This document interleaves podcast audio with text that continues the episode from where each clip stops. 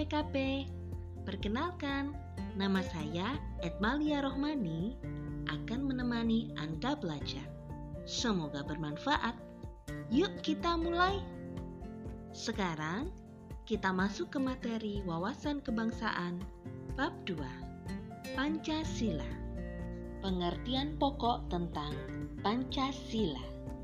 Arti kata dan asal-usul Pancasila.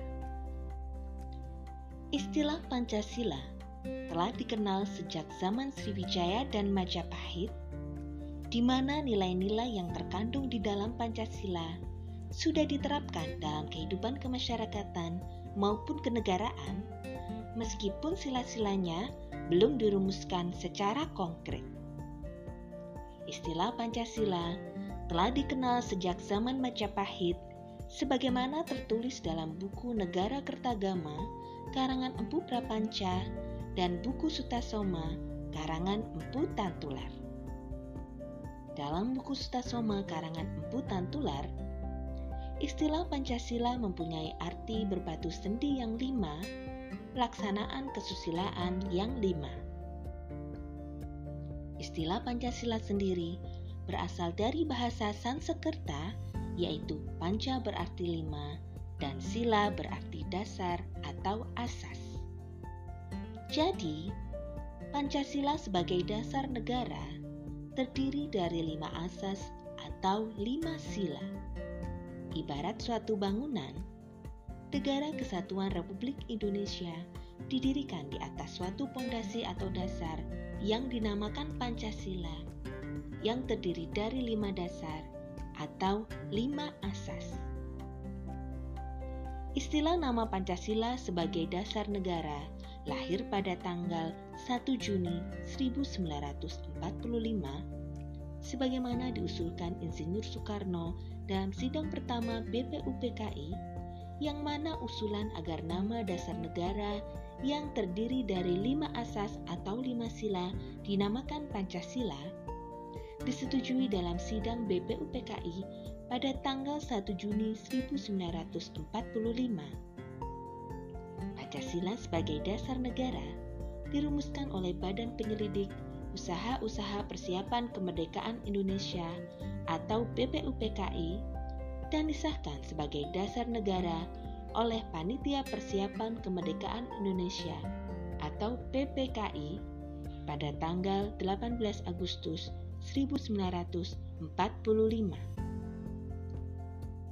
rumusan sila-sila Pancasila yang sah yang wajib diamalkan bangsa Indonesia adalah rumusan sila-sila Pancasila yang tercantum dalam alinea keempat pembukaan Undang-Undang Dasar 1945.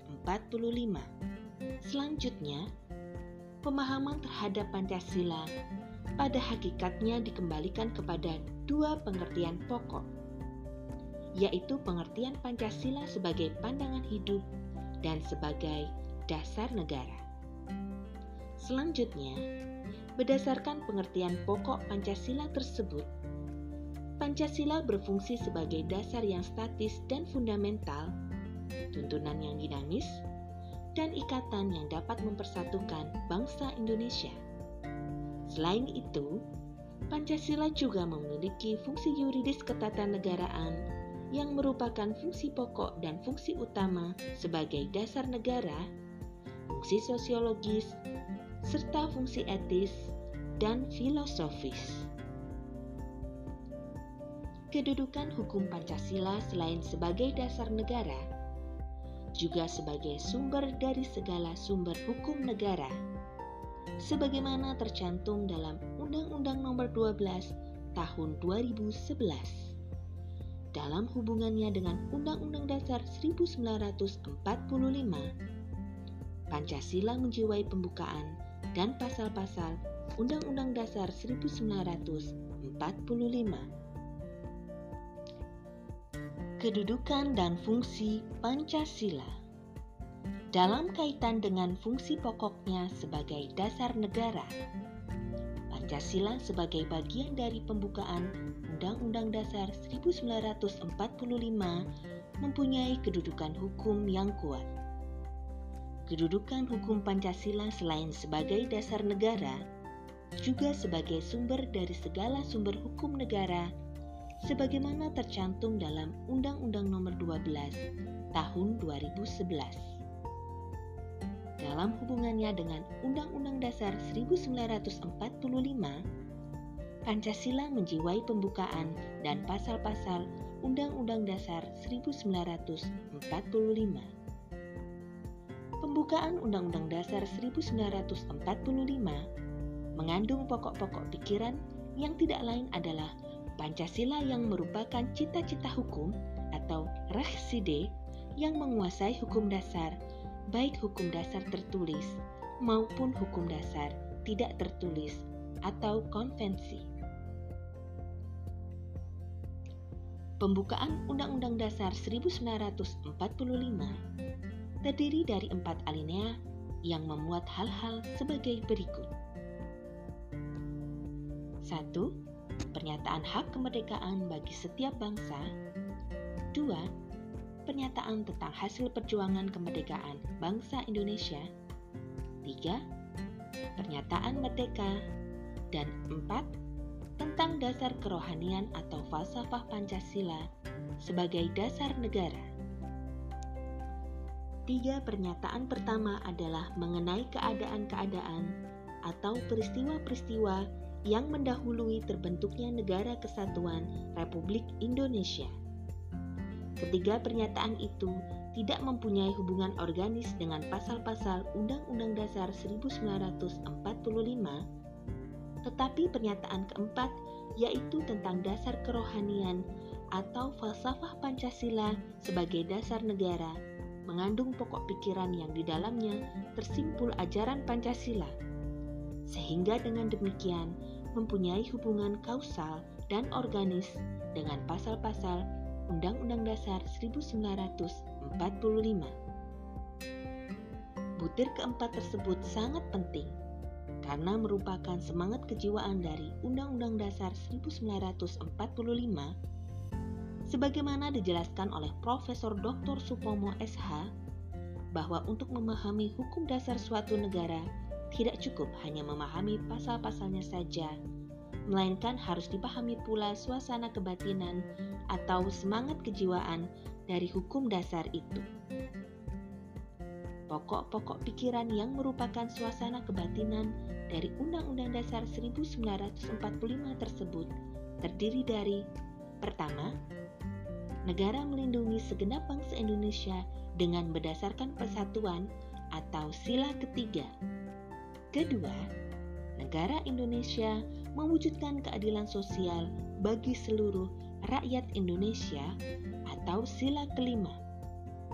Ketiga, negara berkedaulatan rakyat berdasarkan atas kerakyatan dan permusyawaratan atau perwakilan atau sila keempat. Keempat, negara berdasarkan ketuhanan yang Maha Esa menurut dasar kemanusiaan yang adil dan beradab atau sila ke-1 dan kedua. Berdasarkan kedudukannya dalam tata kehidupan bangsa Indonesia sebagaimana diuraikan sebelumnya, maka Pancasila dalam bentuknya yang sekarang ini berfungsi sebagai satu dasar yang statis atau fundamental di mana di atasnya didirikan bangunan negara Indonesia yang kekal. Inilah fungsi pokok Pancasila yang tercantum dalam pembukaan Undang-Undang Dasar 1945. 2. Tuntunan yang dinamis yaitu ke arah mana negara Indonesia akan digerakkan atau dengan kata lain sebagai cita-cita dan tujuan bangsa Indonesia.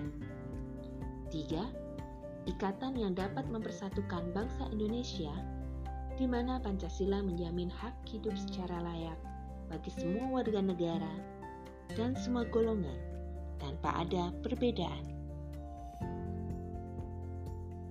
Di samping itu, apabila dilihat lingkup jangkauan sasarannya, fungsi-fungsi Pancasila dapat dibedakan sebagai berikut. 1. Fungsi yuridis ketatanegaraan yang merupakan fungsi pokok atau fungsi utama dari Pancasila sebagai dasar negara. 2. fungsi sosiologis, yaitu apabila dilihat sebagai pengatur hidup kemasyarakatan pada umumnya. Tiga, fungsi etis dan filosofis, yaitu apabila fungsinya sebagai pengatur tingkah laku pribadi. Dalam hal ini Pancasila berfungsi sebagai philosophical way of thinking atau philosophical system. Pancasila sebagai falsafah bangsa. Filsafat Pancasila. Istilah filsafat berasal dari bahasa Arab falsafah. Secara etimologi, falsafah berasal dari bahasa Yunani filosofia yang terdiri dari dua suku kata yaitu philo dan sophia. Philein berarti mencari, mencintai, dan Sophia berarti kebenaran, kearifan, kebijaksanaan.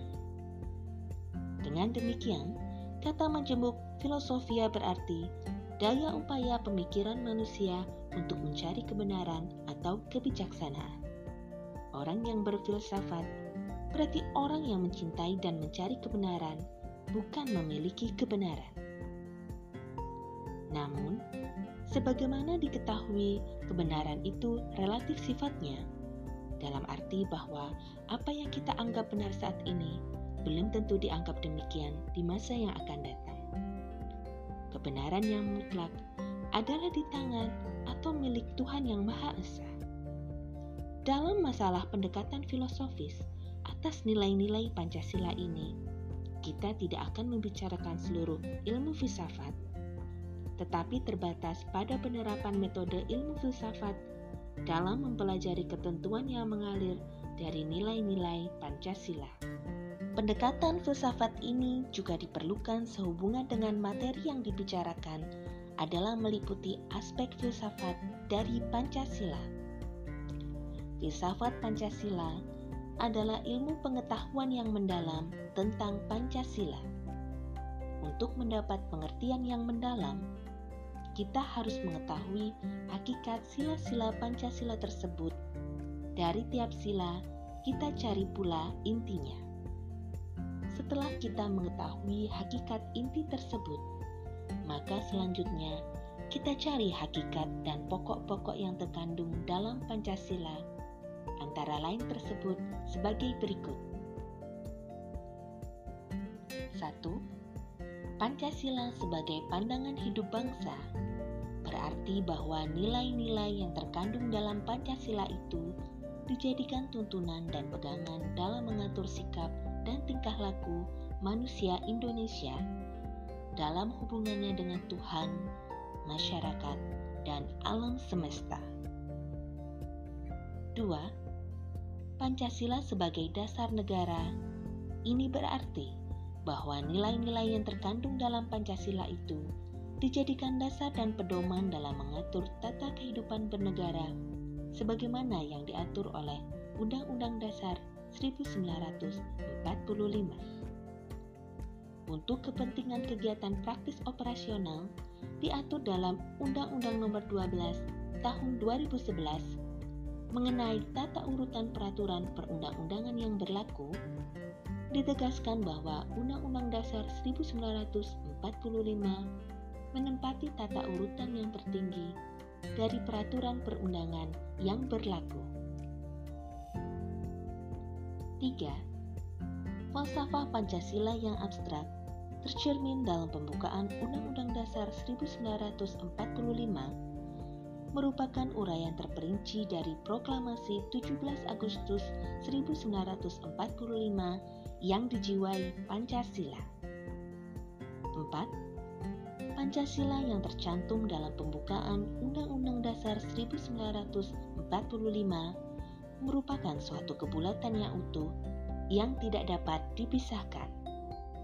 5.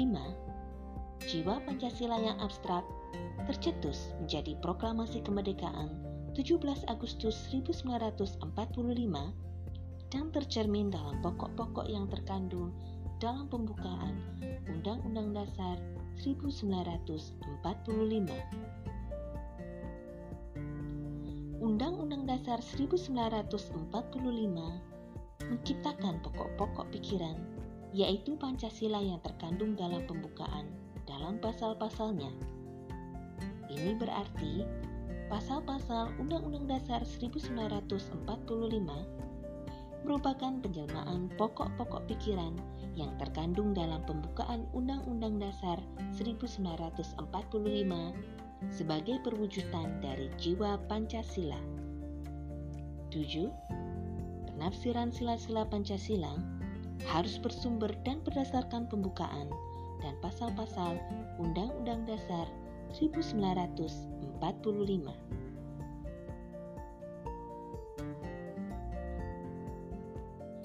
Nilai-nilai dalam Pancasila Nilai terbentuk atas dasar pertimbangan-pertimbangan cipta, rasa, karsa dari seseorang atau sekelompok masyarakat atau bangsa.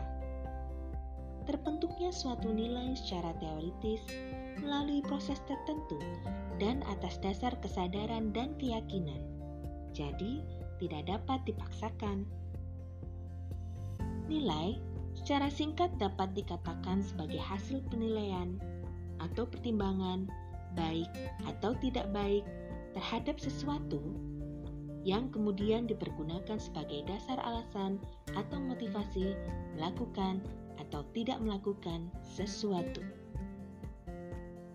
Norma atau kaidah adalah petunjuk tingkah laku atau perilaku yang harus dilakukan dan tidak boleh dilakukan dalam hidup sehari-hari berdasarkan suatu alasan atau motivasi tertentu dengan disertai sanksi. Sedangkan sanksi adalah ancaman atau akibat yang akan diterima apabila norma atau kaidah tidak dilakukan. Dari hubungan nilai, timbullah ancaman-ancaman norma dengan sanksinya. Misalnya, satu, norma agama dengan sanksi dari Tuhan. Dua, norma kesusilaan dengan sanksi rasa malu dan menyesal terhadap dirinya sendiri. Tiga, norma sopan santun dengan sanksi sosial masyarakat. Empat, norma hukum dengan sanksi dari pemerintah atau alat-alat negara. Profesor Dr. Noto Negoro membagi nilai menjadi tiga, yakni satu, nilai material, yaitu segala sesuatu yang berguna bagi unsur manusia. Dua, nilai vital, yaitu sesuatu yang berguna bagi manusia untuk dapat mengadakan kegiatan dan aktivitas. Tiga, nilai kerohanian, yaitu segala sesuatu yang berguna bagi rohani manusia. Empat, nilai kerohanian ini dapat dibedakan atas empat macam, yakni satu, nilai kebenaran yang bersumber pada unsur akal manusia. Dua, nilai keindahan yang bersumber pada unsur rasa indah manusia. Tiga, nilai kebaikan atau nilai moral yang bersumber pada unsur kodrat manusia atau manusia dalam segala dimensinya. Empat, nilai religius yang merupakan nilai ketuhanan, kerohanian yang tinggi, dan mutlak. Nilai religius ini bersumber pada kepercayaan atau keyakinan manusia. Pancasila tergolong nilai kerohanian, tetapi nilai kerohanian yang meyakini adanya nilai material dan nilai vital. Pancasila tergolong nilai kerohanian yang di dalamnya terkandung nilai-nilai yang lain secara lengkap dan harmonis, baik nilai material, nilai vital, nilai kebenaran atau kenyataan, nilai estetis, maupun nilai religius.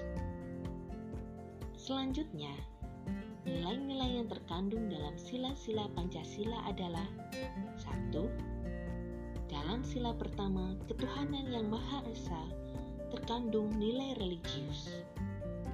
Dua, dalam sila kedua, kemanusiaan yang adil dan beradab terkandung nilai kemanusiaan. Tiga, dalam sila ketiga, persatuan Indonesia terkandung nilai persatuan bangsa. 4. Dalam sila keempat, kerakyatan yang dipimpin oleh hikmat kebijaksanaan dalam permusyawaratan atau perwakilan terkandung nilai kerakyatan. 5. Dalam sila kelima, keadilan sosial bagi seluruh rakyat Indonesia terkandung nilai keadilan sosial. Meskipun nilai-nilai yang terkandung dalam Pancasila termasuk nilai kerohanian, tetapi nilai kerohanian yang mengakui pentingnya nilai material dan nilai vital secara seimbang. Sebagaimana dibuktikan dengan susunan sila-sila yang sistematis hierarkis yang dimulai sila pertama, ketuhanan yang Maha Esa, sampai dengan sila kelima, yaitu keadilan sosial bagi seluruh rakyat Indonesia. Jadi, yang mempunyai nilai itu tidak hanya sesuatu yang berwujud benda material saja, akan tetapi juga benda yang tidak berwujud yang bukan benda material. Bahkan, sesuatu yang bukan benda material itu dapat menjadi nilai yang sangat tinggi dan mutlak bagi manusia. Nilai material secara relatif lebih mudah diukur dengan alat-alat pengukur, misalnya dengan alat pengukur berat atau gram, alat pengukur panjang atau meter, alat pengukur luas atau meter persegi, alat pengukur isi atau liter, dan sebagainya. Sedangkan nilai rohani tidak dapat diukur dengan menggunakan alat-alat pengukur tersebut di atas, tetapi diukur dengan budi nurani manusia. Karena itu lebih sulit dilakukan, karena permasalahannya adalah apakah ada perwujudan budi nurani manusia yang bersifat universal. Manusia yang mengadakan penilaian terhadap sesuatu yang bersifat kerohanian menggunakan hati nurani dengan dibantu indera, akal, perasaan, kehendak, dan oleh keyakinan. Sampai sejauh mana kemampuan dan alat-alat bantu ini bagi manusia dalam memberikan penilaian tidak sama bagi manusia yang satu dengan yang lain, dipengaruhi situasi dan keadaan manusia yang bersangkutan. Bagi manusia, nilai dijadikan landasan, alasan, atau motivasi dalam segala perbuatannya. Dalam pelaksanaannya, nilai-nilai dijabarkan dalam bentuk norma atau normatif, sehingga merupakan suatu perintah atau keharusan, anjuran, atau merupakan larangan atas sesuatu yang tidak diinginkan atau celaan. Nilai kebenaran harus dilaksanakan dan segala sesuatu yang tidak benar, tidak indah, tidak baik, dan sebagainya dilarang atau dicela. Dari uraian tersebut, nampak jelas bahwa nilai berperan sebagai dasar pedoman yang menentukan kehidupan setiap manusia. Pandangan integralistik dalam Pancasila dalam pidato tanggal 31 Mei 1945 di depan rapat BPUPKI, Supomo mengemukakan gagasan tentang kita negara integralistik. Ia memulainya dengan mengatakan bahwa jika hendak membicarakan tentang dasar sistem pemerintahan yang hendak dipakai untuk negara Indonesia yang akan dibentuk, maka dasar sistem suatu pemerintahan tergantung pada cita negaranya pada start CD. Pada pemahaman tentang negara yang hendak digunakan untuk membangun negara Indonesia. Haji Muhammad Yamin 1971 Mengenai teori integralistik yang diajarkan oleh B. Spinoza, Adam Muller, Hegel, dan lain-lain, Supomo mengemukakan bahwa negara tidak untuk menjamin kepentingan seseorang atau golongan, akan tetapi menjamin kepentingan masyarakat seluruhnya sebagai kesatuan.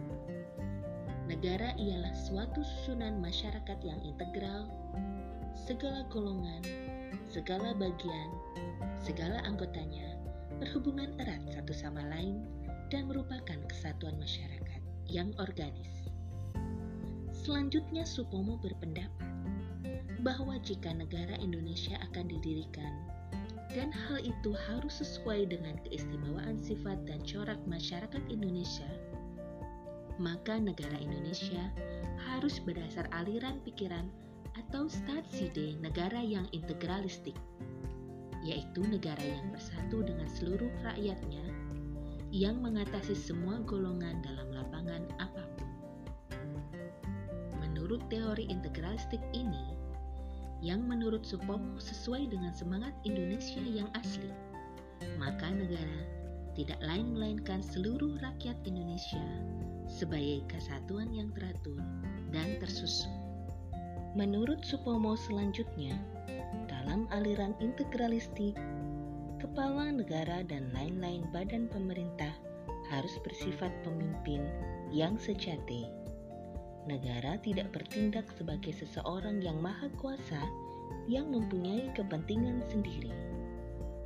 Pada dasarnya menurut aliran integralistik, tidak ada pertentangan antara stat dan individu karena individu tidak lain melainkan suatu bagian organik dari stat yang mempunyai kedudukan dan kewajiban tersendiri untuk menyelenggarakan kemuliaan stat. Sebaliknya, Stat bukan suatu badan kekuasaan atau raksasa politik yang berada di luar lingkungan suasana kemerdekaan seseorang. Haji Muhammad Yamin, 1971. Akhirnya Supomo menyimpulkan bahwa dalam negara integralistik, negara akan ingat kepada segala keadaan. Hukum negara akan memperhatikan segala keistimewaan golongan yang bermacam-macam di tanah air kita. Pancasila sebagai ideologi negara. Ideologi berasal dari kata Yunani idein yang berarti melihat atau idea yang berarti raut muka, perawakan, gagasan, buah pikiran, dan logia yang berarti ajaran. Dengan demikian, ideologi adalah ajaran atau ilmu tentang gagasan dan buah pikiran. Ideologi dalam kehidupan kenegaraan dapat diartikan sebagai suatu konsensus mayoritas warga negara tentang nilai-nilai dasar yang ingin diwujudkan dengan mendirikan negara. Ideologi merupakan pikiran-pikiran terdalam, hasrat terdalam warga negaranya untuk di atasnya didirikan suatu negara. Mubiarto mengartikan bahwa ideologi adalah sejumlah doktrin, kepercayaan, dan simbol-simbol sekelompok masyarakat atau satu bangsa yang menjadi pegangan dan pedoman karya untuk mencapai tujuan masyarakat atau bangsa.